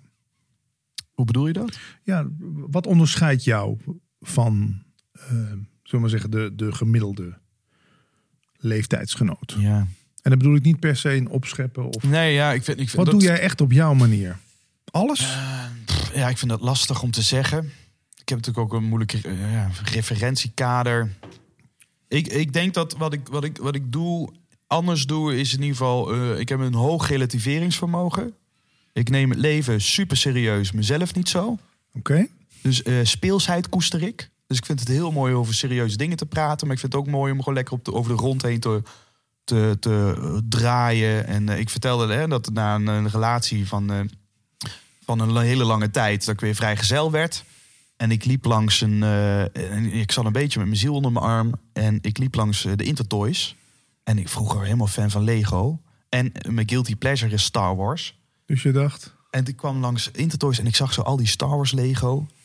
En ik dacht, fuck it. En toen ben ik naar binnen gegaan voor meer dan 300 euro Star Wars Lego gekocht. En ik ben die herfst van 2017, was het tweede herfst van 2017? Ja, tweede herfst van 2017. Ben ik doorgekomen door gewoon iedere avond ja. op mijn, aan mijn keukentafel met, met Star Wars Lego te Ja. knutselen. Want ik, ik, ha, ik haalde geen energie meer uit eh, Netflix en Ja. series kijken. Ik moest gewoon weet je, een soort vrije tijdsbesteding, een soort, eh, hoe noem je dat, therapie? Ja, bezigheidstherapie. Ja, ja. Want je was ineens alleen weer. Ja. Het was herfst, het vroeg donker. ja, precies. Ja, en, dat, en da- daar kan ik dan eigenlijk wel stiekem heel erg van genieten. Dat ik dat dus kan koesteren. En ik heb dus nu heel mijn boekenkast. Ik heb al mijn boeken naar boven gebracht. Daar staan dus allemaal Star Wars Lego. Dus als ik een date mee naar huis nam...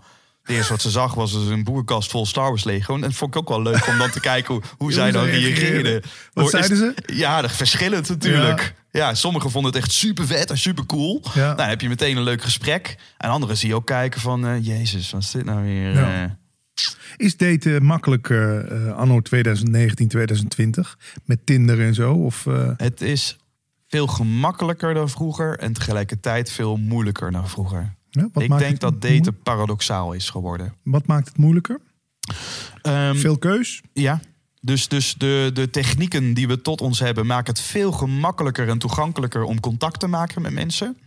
Maar tegelijkertijd is die veel eh, zijdigheid en die kwantiteit maakt het ook moeilijker om diepgang te vinden in dat Ja. contact. Vluchtig? Ja, dat is het gevaar. Ja. En dat is natuurlijk via Tinder eh, of via andere apps. Het, is het begint toch een beetje met een vleeskeuring. Ja. Ja, dit- dus, dus, en dat is toch al, ja, als je daar niet zo van bent, eh, toch wel dan meteen een soort haat-liefde-verhouding. Dit Word jij eh, snel verliefd? Nee, heel moeilijk eigenlijk. Ja? Ja? Ik heb wel snel verbinding met mensen, Mhm. maar echt verliefd worden blijkt toch lastiger dan eh, gedacht. En is dat nodig voor een goede relatie, die verliefdheid? Ja, ik ben daar bang van wel nu. Maar dat kwam omdat die vorige relatie, die begon heel rationeel. Ik kwam net uit de vorige relatie, waar ik ook mee had samengewoond. Eh ehm, Die kutvlieg, daar worden we die gek van. Kom hier. Sla hem dood! Maak hem kapot! Schaaf uit, schurk! Kom hier dan!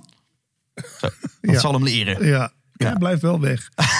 je kwam in een relatie. Ja, ik kwam net uit een relatie en mijn, eh, mijn ex-vriendin kwam ook net uit een relatie. Dus het begon meteen heel rationeel. Zo van, Ja, moeten we dit wel doen? En misschien moeten we een beetje aan. aankijken. Ja. En daardoor sla je toch een beetje dat, dat, dat helemaal... Vol zijn van elkaar, ja. Ja, dat sla je dan over. En we hebben het heel lang volgehouden. En dat ging ook heel lang goed. Maar dat rationele, dat heeft uiteindelijk ook wel de passie gesmoord. Ja, en die, en die bevlogenheid heb je toch wel nodig om... eh, dat is toch wel de, de benzine voor eh, een langdurige relatie, denk Ja. ik. Mis je het nu, een relatie? Ik miste het echt twee jaar heel erg. Ik ben nu bijna twee jaar vrijgezel. En nu ineens niet meer? Eh, sinds begin dit jaar ontstaat er ontspanning. Oké. Nou ja, ze zeggen voor ieder jaar dat je samen bent geweest met iemand... heb je eigenlijk een half jaar nodig om er overheen te Eh, komen. ja, dus, dus, dus snel, dan, Nou, ben ik net iets sneller. Net iets sneller, ja. Eh, maar jee, ja, jee, toen, ik net uit, uit- toen het net uitging, ik, wel, ik wist me geen raad. In die zin, ik, ik ben gewoon zo, ik ben zo'n extravert. Ik, ik ga zo hard op contact met anderen. En dan zit je ineens in een heel groot, mooi koophuis in je eentje op de bank. ja, Verschrikkelijk. ja. En we hadden het net voordat de podcast aanging over, eh, over nou, overtuigingen die je dan hebt. En een overtuiging die ik had was gekoppeld aan de film van Into the Wild. Eh, prachtige film waarbij op het einde in een journal wordt geschreven... Happiness is only real when shared. Ja, dat is een super mooie overtuiging als je samen bent. Maar op het moment dat je alleen bent en je slentert door een bos of langs een meer... en je zegt tegen jezelf, happiness is only real when shared... Ja. Ja, dan word je dan. Dan, dan ga je je wel vergrijpen Ja. aan de vluchtige contacten en Ja. de rebounds.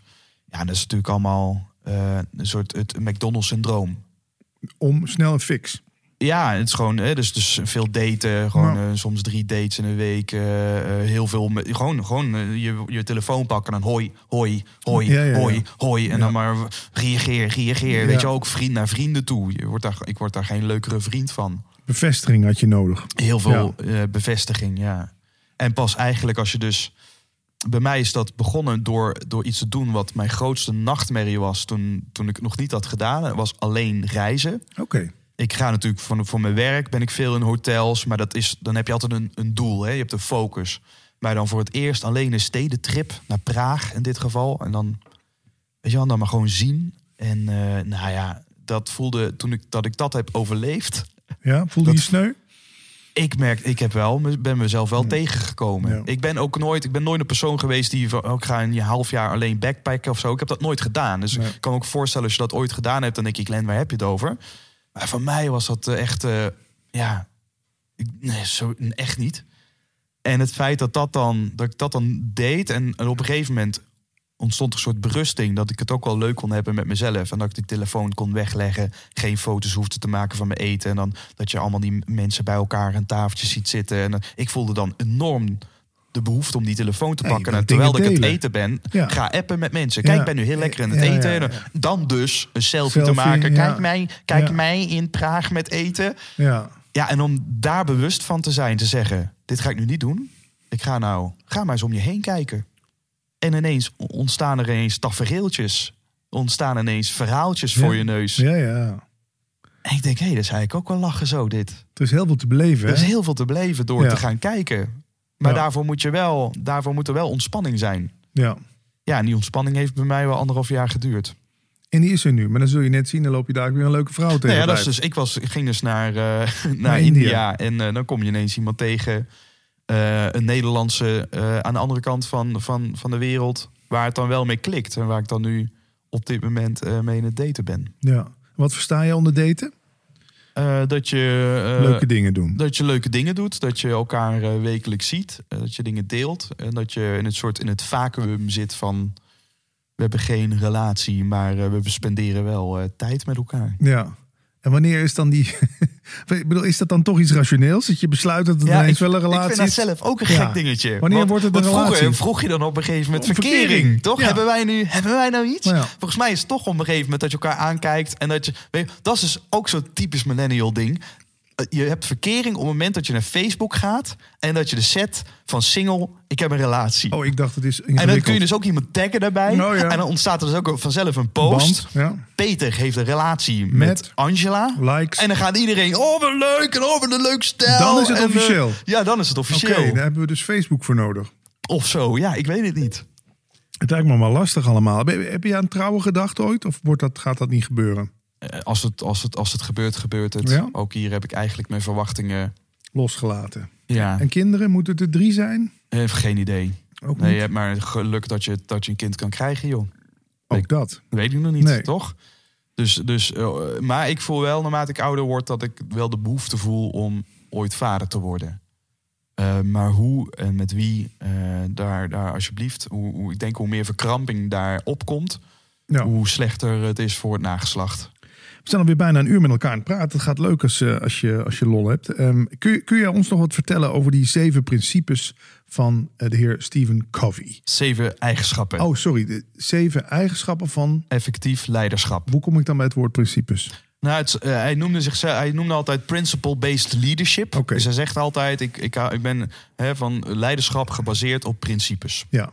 Even een paar eh, snacks. Even een paar snacks. Ja, wetens- wetenschap. Want jij weet heel veel, hè? Tenminste, over, over dat. Effectief leiderschap. ehm, van onze mannen wordt altijd gezegd: wij moeten de leiding nemen. Is dat onzin?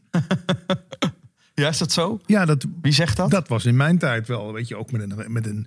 Als je het hebt over verkering vragen, de man vraagt verkering aan de vrouw. Ja. De man vraagt aan de vrouw, nog de generatie ervoor, of die gaat dansen. Ja. De man vraagt de vrouw: eh, kom bij me wonen. Ja. Weet je? Ja, we zijn, we zijn opgegroeid in het romantische misverstand eh, met sprookjes. Hè? Dus de, de, de vrouw ligt gedwee te wachten Ja. in, in een grote eh, eh, kasteel. Ja. En wij moeten eerst de draak verslaan. Om- En pas dan hebben we het recht om uiteindelijk Juist. de hand te vragen van de vrouw.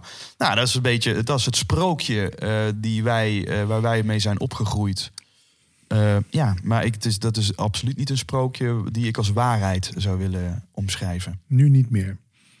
Nee, Nee. Dus mannen hoeven niet per se leiders te zijn. Absoluut niet. Ik denk dat, eh, dat, dat vrouwen eh, eh, misschien wel beter in staat zijn om een, een goed leider te zijn dan mannen. Oké, dus die hele Stephen Covey heb ik niet nodig per se als man.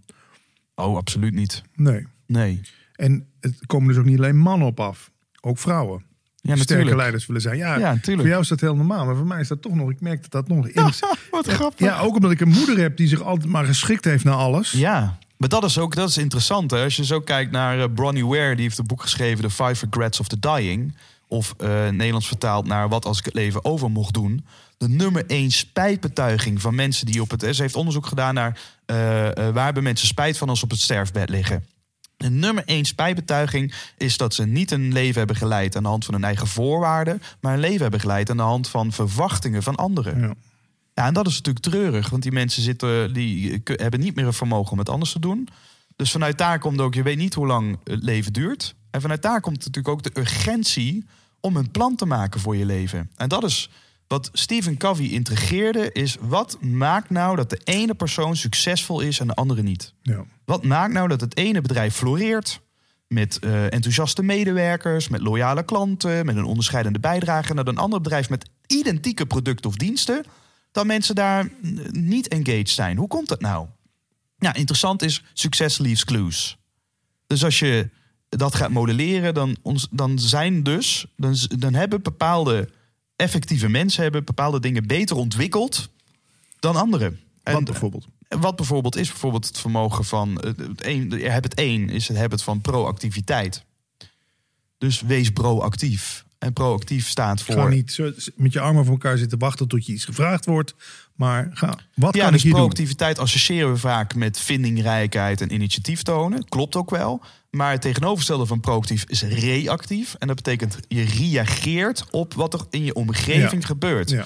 Dus dan wordt proactief wordt net iets anders. Proactief is dat je je gedrag uitkiest in plaats van dat je voortdurend reageert Ja. op wat er gebeurt. En vervolgens ook nog eens de ander de schuld ervan gaat geven dat je zo reageert. Dus het slachtoffer van de omstandigheden. Ja, ja. dat is habit 1. Nou, als je dus...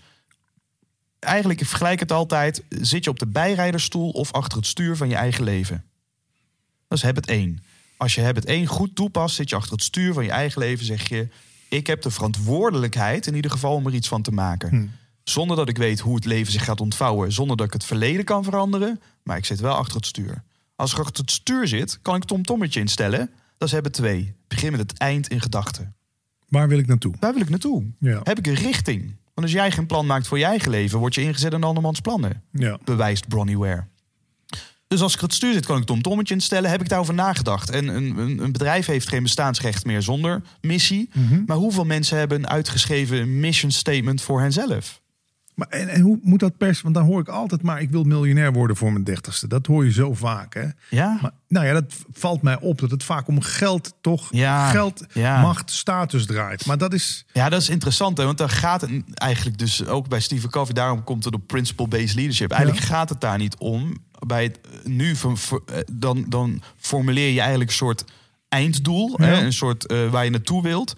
Maar een mission gaat, eh, gaat eigenlijk eerder over het creëren van een kompas. Eh, dus ik had, ik had laatst dus iemand in mijn training, een beetje gekoppeld aan wat jij nu vertelt. was een ondernemer. Die zei, eh maar nog een jonge gast. Ik denk een jaar of 34. En, eh, en, we, zijn dan in, in de training gaan we aan de slag met het schrijven van een mission statement.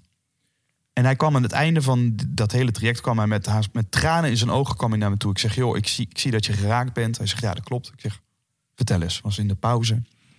Hij zegt, joh, ik, ben, ik kom uit een ondernemersgezin ook. Dus ik ben hè, hard werken, was daar het credo.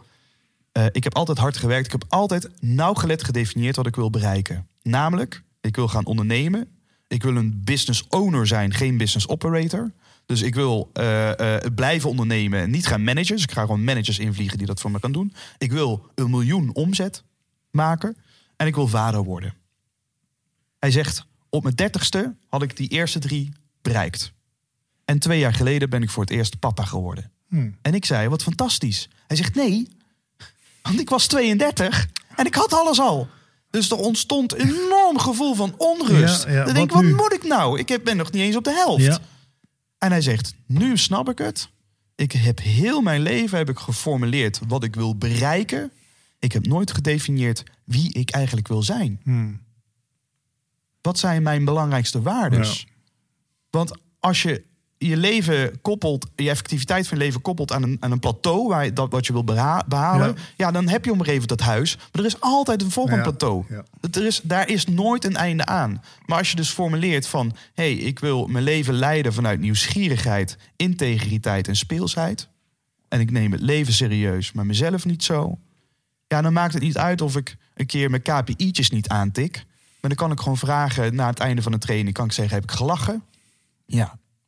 Heb ik ge- veilige, een veilige omgeving gecreëerd waar mensen zich kwetsbaar konden opstellen? Ja.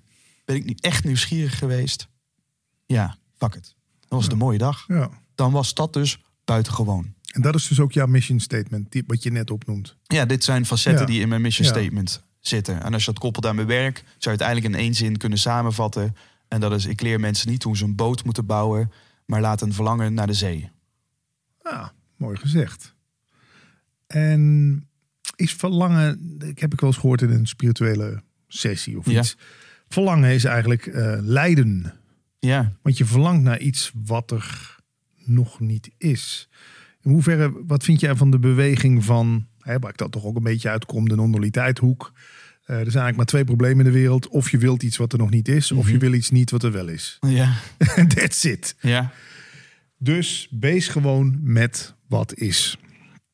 In hoeverre is dat verlangen belangrijk voor een mens? Dat je echt, dat je echt die longing hebt naar iets. Is, is het Ja, jezelf niet, niet, niet lijden bezorgen? Het is een beetje sociale psychologie, hè, dat we gewoon allemaal eh, pijn willen vermijden en plezier willen verkrijgen. Eh, maar daar, daarin zit dus ook het verlangen. Ik wil, dus het, ik wil dus weg van de pijn. En er zijn dingen die ik heel fijn vind. En dan kan ik gaan voor de kortstondige zaken. Of ik kan meer gefocust zijn op de lange termijn Ja. Eh, en vanuit daar komt, komt een verlangen. Wat ik in ieder geval bedoel met verlangen in plaats van versus leren hoe ze een boot moeten bouwen. Ja. Is dat bij een boot bouwen vertel ik wat ze moeten doen. En ik vind het niet zo interessant wat mensen gaan doen. Als het maar rijmt met een intrinsieke motivatie. Ja. Dus waar, waar ik mensen bij help, is dat er een congruentie ontstaat tussen hoofd, hart. eh, en en dat, dat, dat die drijfveer, eh, dat is ook met eh, over spreken gesproken. Ik merk gewoon dat als mensen overtuigend zijn, zodra mensen congruent zijn en eigenlijk niet meer zo nadenken over wat ze willen spreken, maar dat het sp- spreekt vanuit een intrinsieke behoefte, een, een vuur, ja, dan stroomt het vanzelf. Ja. En dan vindt dat ook vanzelf zijn weg. En dat gun ik iedereen. En dan maakt het dus niet meer uit of je dan in dat huis woont of in die auto rijdt. En natuurlijk, joh, als dat aankomt waaien, waarom niet? Ja. Pak het er lekker bij. Ja. Maar dat is niet meer hetgeen wat je Ja. Per definitie nodig hebt om het leven eh, eh, effectief of gelukkig te doen maken. Nee, dat is een bonus. Ja. Een nice to have. Nog een, een corny cliché. Het gaat niet om de bestemming. Het gaat om de reis. De reizen naartoe. Ja. en daarom vind ik dus, en dat is, maar dat is dus zo moeilijk. Dat is echt, het kost mij ook zoveel energie om nu te denken: ik zie wel waar deze reis naartoe brengt. Ik heb geen idee waar ik over vijf jaar sta. Maar wat heerlijk. Ja, wat ja. wat Alles mag ik toch nog. nu fantastische dingen doen? Dit is toch geweldig? Ik zit nu tegenover jou. Dat, dit was niet, had niet gebeurd als die podcast niet, eh, eh, als ik die podcast niet was gestart. Of als je had gedacht van ja, maar dan moet ik daar naar Amersfoort en dan blijven. En, En, eh, allerlei en, beperkende gedachten. En hij komt maar naar mij toe. Of we spreken wel een andere keer af. Nee, ik, ja, ik ken het. Dat, maar als het leven inderdaad gewoon een blanco vel is. Dan kan je zeggen, ja, saai. Nee, ja, alles kan er nog op getekend worden. Dat is, dat is heerlijk. Heb jij voor de millennials die deze podcast luisteren nog wat adviezen? Wat, bedoel, wat, wat, wat zijn nou de valkuilen voor de millennial? Behalve dat wat je net zegt, ga je niet te veel bezighouden met je bestemming. Geniet van wat je Ja. nu allemaal al... En ik denk dat die tweedelig is. Dus van de ene kant natuurlijk heb het vermogen om te genieten in het moment. Eh, ik zou dus ook zeker kunnen aanraden om, om gewoon eh, een, een, een bij wijze van spreken tijd met jezelf in te plannen in je agenda. Waarbij je niks gaat doen, behalve gewoon lekker met jezelf zijn. Zelf zijn, ja. Eh, in, in de snelheid van hoe dingen gaan. Maar ik geloof wel heel erg dat je dat, dat millennials echt geholpen zijn door goed na te denken over wat ze echt belangrijk vinden. Dus ga nou eens. En hoe kom je daarachter? slow down to speed up, zou je kunnen zeggen.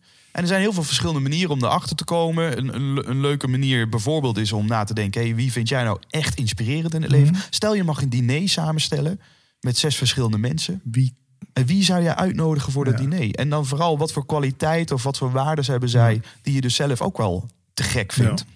Dat is één. Denk na over eh, wat voor bijdrage zou je willen leveren. Eh, stel je voor dat alle, ge- alle geld en tijd is, is, is gewoon onbeperkt. Ja. Wat zou je dan als eerste doen? Waar Dat zou soort- je je tijd en geld aan Waar zou je, als stel, het maakt Ja, allemaal niet uit. ja, je hebt gewoon nu al het vermogen om te doen en laten waar je zin in hebt. Wat zou je dan doen? Eh, wat ook een hele mooie is, is om eh, we identificeren onszelf altijd gekoppeld aan rollen. Hè, dus als ik vraag wie ben jij, dan zeg je, joh, ik ben podcast-host, ik ben vader, ik ben partner. Dus we, je kon- we koppelen onszelf aan rollen. Een, een hele mooie manier om work-life balance te creëren is om na te denken: wat zijn nou mijn allerbelangrijkste rollen? Als je erover nadenkt, hebben we hebben er soms honderden. Want ik ben collega, ik ben werknemer, Buurman. ik ben buurman, Ja. ik ben eh, projectmanager, Ja. informeel, ik ben spreker, ik ben trainer, ik ben sprekersregisseur, et cetera, et cetera, et cetera. En heb ik nog niet eens over mijn familie gehad, neef, broer, Zometeen zoon, weggebruiker. et cetera, et cetera. Nu, stel je voor, je hebt drie ballen in de lucht. En iedereen kan binnen een paar dagen leren, jong leren met drie ballen. Dat is niet zo moeilijk. Repetition is the mother of all skill. Dus als je dat gewoon maar vaak doet, Ja. kun je dat. Ja. Stel je voor, er komt een vierde bal bij en daar ben je niet op geoefend. Hoeveel ballen vallen er dan? Ja, alle, allemaal. Allemaal. Ja. En dat is het probleem. Omdat we niet onze belangrijkste rollen prioriseren, proberen we alles maar te doen. Maar het probleem is, er valt nooit niet één rol, maar ze vallen allemaal. Ja. En dan raken we gewoon. pff, Dan raken we overspoeld in de Burn-out. kleine dingen. Dan weten we niet meer wat we welke aandacht moeten Ja. geven. Dus pak nou eens een lijstje en schrijf de zes belangrijkste rollen die jij, niet zozeer wat andere mensen willen dat belangrijk voor je is. Nee, maar welke rol verdient jouw wekelijkse aandacht? Ja. Schrijf die eens onder elkaar. Wat te gek is, is als je die dan onder elkaar hebt geschreven, is bedenk dan eens even, wat zou deze rol voor mij buitengewoon maken? Dus als vriend, wat zou die rol van, wat, wat voor vriend wil ik eigenlijk zijn? Nou, dan, dan wil ik een speelse vriend zijn. Nou, een speelse vriend is al zoveel meer dan een gewone vriend, weet je wel. Hoe uitzicht dat dan? Ik denk, nou, dan wil ik toch wel drie herinneringen per jaar met iemand hebben. Dat je gewoon na het einde van het jaar kan zeggen, nou, deze drie dingen, oh, oh, die gaan het plakboekje in, Ja. weet je wel? Ja. Of als, als, als ik heb geformuleerd, dus de podcast host was een rol die ik begin dit jaar formuleerde voor mezelf. Ja. Die bestond nog niet. Maar doordat ik die heel duidelijk prioriseer, Ja. als ik die als in een van die zes zet, betekent ook dat er iets uit moet. ja. Wat, kwam, wat ging eruit? In dit geval volgens mij mijn rol als eh, eh, collega heb ik laten sneuvelen. Van? Ja, gewoon mijn rol als collega. Want ik dacht, het feit dat ik van een ZZP'er ben gaan werken in loondienst... kwam omdat ik het maar een beetje eenzaam vond in mijn uppie. Ja. Ik dacht, hé, hey, ik vind het te gek om, om met andere mensen samen Ja. te werken. Nou, dat is nu wat meer een vanzelfsprekendheid geworden. Dus ik heb die collega-rol eruit gezet. En dan mijn podcastrol erin. En ik denk dus iedere week na, wat ga ik doen? Wat ga ik inplannen in die rol? Dat wat mij een stapje dichterbij brengt. En dat maakt het niet saai om dat zo voor jezelf te definiëren? Blijft er wel nog genoeg ruimte over voor de... Ja, alles. Ja? De- maar dat is juist het grappige. Ik heb creatieve achtergrond, dus plannen was, heb ik al, is allemaal aangeleerd. Ja. Ik vond plannen verschrikkelijk. Want je kan creativiteit toch niet plannen? Maar structuur geeft vrijheid. Structuur geeft vrijheid. Ja. Dus als er geen enkele ka- kadering Ja. is, dan ben ik ten dode op weer win zonder te vechten. Dan word ik dus door die, heb je even, Glenn, Ja. kom je weer even Ja. langs. Dan word ik allemans vriend. ja. Maar dan ga ik dus doen wat andere mensen verwachten van mij... in plaats van dat ik zelf definieer wat echt belangrijk is. Doe maar een uitspraak die in de radiowereld nog wel eens gegeven wordt. In de beperking toont zich de ware kunstenaar. Dus ik, eh, die disjockey's die klagen. Ja, maar ik heb maar vijf minuten spreektijd per uur. Ja, maar ja, als jij in die 30 seconden echt die aandacht van die luisteraar weet te pakken, dat maakt Ja. jou een ware kunstenaar. Ja, en er, zijn altijd meer, er is altijd meer goede ideeën dan dat er tijd is om uit te voeren. Dus ik zou dus vooral eh, eh, mensen, de millennials, gunnen om de patroon van de rat race te doorbreken. Ja. Want dat is waar veel mensen toch in vallen. En dat patroon kun je zien als... als jij niet weet wat belangrijk is, dan lijkt alles belangrijk. En zolang alles belangrijk lijkt, ja, doe je dus ook waarschijnlijk alles. Zolang je alles blijft doen, gaan andere mensen verwachten dat je altijd maar alles doet. Ja. En zolang dat andere mensen blijven verwachten dat je altijd alles doet, heb je nooit tijd om na te denken over wat echt belangrijk is. Super mooi gesproken. Eh, eh, Veel van deze wijsheden deel je denk ik ook wel in je eigen podcast, hè? Eh, mijn podcast is meer gefocust op het spreken. Ja. Eh, dit, dit soort wijsheden die, eh, die zitten in mijn trainingen. En die geef ik onder de vlag Franklin Ja. Covey. Ik kan, als ik jou nou eens een keer een live middag wil meemaken, hoe, hoe moet ik dan te werk gaan? Ja, dat kan. Open inschrijving. eh, we hebben open inschrijvingen. Dus bijvoorbeeld die zeven eigenschappen, de Ja. seven habits, daar hebben we open inschrijvingen voor. Dan, dan in de plek, in de ruimte waar we nu zitten, daar ga je echt met mij drie dagen deep dive. En dan gaan we die seven habits doen. Eh, een, de productiviteitstraining, die, dat is een eendaagse.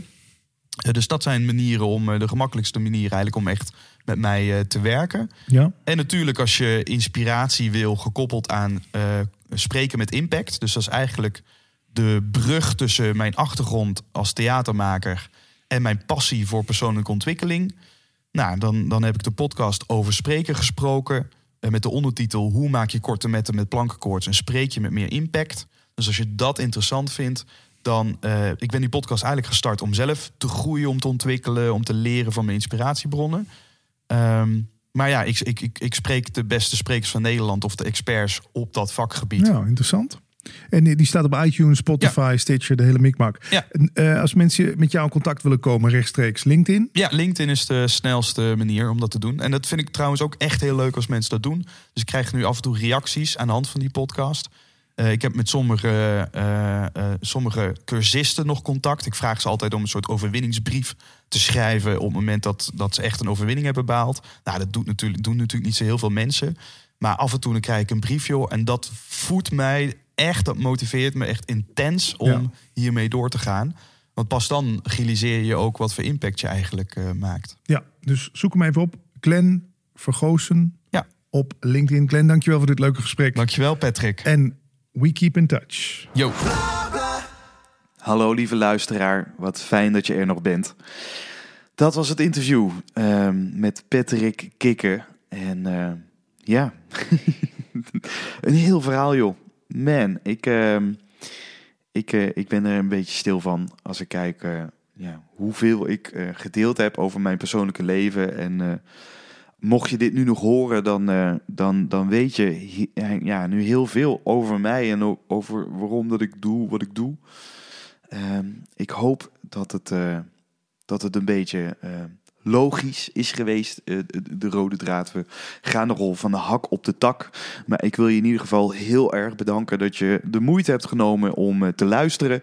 En nou, te gek, weet je wel. Dit is dus een eenjarige podcast. Ik kijk ook heel erg naar uit om het komende jaar weer heel veel mooie interviews op te nemen en met jou te delen.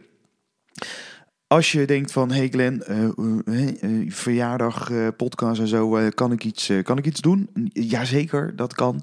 Ik zou het super tof vinden als je een review achterlaat, bijvoorbeeld bij iTunes. Dan kun je een review achterlaten voor, bij de podcast. Dat helpt voor zichtbaarheid, dus het helpt dat ook op andere... dat andere mensen ook deze podcast tegenkomen. Dus ik zou het super waarderen als je een review achterlaat. Eh, vergeet ook zeker niet een eh, connectie met me te maken op eh, LinkedIn. Meer informatie over mij en over de podcast heb je eigenlijk niet nodig, want je hebt net geluisterd. Maar je kan altijd dingen terugvinden op www.glenvergozen.nl. Over twee weken, dan zijn we er weer. En dan starten we met, met het bijzondere thema de taal van de liefde. En ik hoop dat je er dan weer bij bent. Bedankt voor het luisteren en tot de volgende aflevering.